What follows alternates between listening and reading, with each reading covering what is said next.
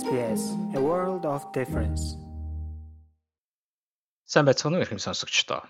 Энэ удаагийн оршин суух хөтөж булангаараа Австрали улс хэрэглэгчдэд олгох зээлийн шалгуураа зөөлрүүлж магадгүй талаарх мэдээллийг бэлтгэж байна. COVID-19 сар дахлын үеийн үед холбооны засгийн газраас хэрэглэгчид, бизнес эрхлэгчдэд зээл олох боломжийг хөнгөвчлөх зорилгоор хариуцлагатай зээлийн хуулийг шинжлэх төслөө танилцууллаа. Энэ төсөл нь зээлийн өргөдөл гаргах явцыг илүү хэлбэр болгоход чиглэгдэж байгаа бөгөөд зээдүүлэгчдийн зүгээс зээл эргэн төлөх чадварыг үнэлэх, баталгаажуулах явцыг бууруулах гэнэ. Roland Blair бол хувийн зээлийн чиглэлээр мэрэгсэн Австралийн тэргүүлэх цахим хуудас болох Credit World-ыг үүсгэн байгуулагчийн нэг юм. Тэрээр энэ санал болгож буй өөрчлөлтийн хүрээнд хэрэглэгчид хариуцлагатайгаар зээл авдаг болох нь маш чухлаа гэдгийг хэлж байсан юм. Энэ хууль хэрэгжиж ихэснээр тэд хариуцлагатай зээлдэгч болох нь чухал юм. Та зээлийн талаар шийдвэр гаргахдаа консерватив байх хэрэгтэй. Зээлийн ямар шийдвэр гаргасан тохиолдолд та хамгийн сайн тохиролцоонд хүрэхийн тулд харьцуулж үзэх хэрэгтэй.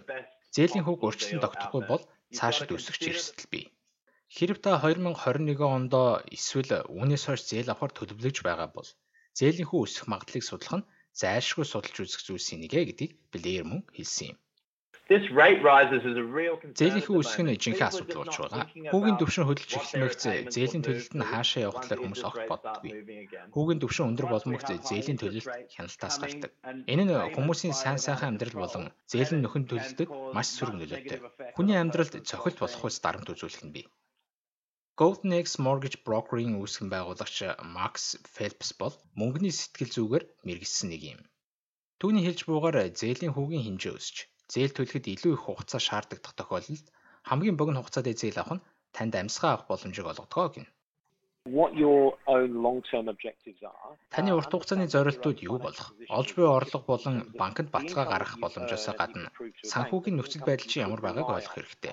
Өнөөгийн зээлийн хүүдээр үндэслэн тооцоод 20 орчим жил эсвэл түүнээс бага хугацаанд төлж чадах зээл авч болно. Гэвч зээлийн хүн 4 5 хувиар өсвөл та 30 жилийн дараа л зээлээ төлж дуусгана гэсэн үг. Мөн тэрээр авах зээлийн хэмжээгээ тооцоолохдоо өнөө ирээдүйн орлого зарлага мөн хүлээлтүүд гээд олон янзын хүчин зүйлсийг тооцох хэрэгтэй гэдгийг зөвлөж байгаа юм. Хэрв та байнга илүү цагаар ажиллаж байгаа ч үүнийгээ өргөжлүүлэх бодлого байгаа бол авах зээлийн хэмжээнд оруулан тооцохгүй байсан дээ. Мөн гэр бүлийнхэнтэйгээ хамт амьдрах зэрэг маш хэмнэлттэй байгаа хүмүүсийн хувьд ч гэсэн энэ байдлаа удаа үргэлжлэнэ гэж тооцох нь бодит бус юм. Харин Роланд Блэйрийн хэлж буугаар энэ өөрчлөлтөөр хариуцлагагүйгээр зээл олгосон зээлдүүлэгчдийн хувьд иргэний болон эрүүгийн хуулиар ял үүрэх боломжгүй болж байгаа юм.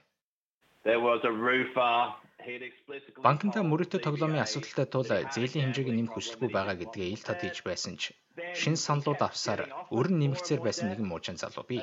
Үүний дараагаар банкийг нь 150 мянган доллараар торгосон. Харин одоогийн шин төслөөр өнгөрсөн хугацаанд хариуцлагагүй зээл олгож байсан эдгээр байгууллагуудын хувьд дахин хариуцлагагүй зээл олгосон ч ямар нэгэн шийтгэл үлээхэргүй байгаа.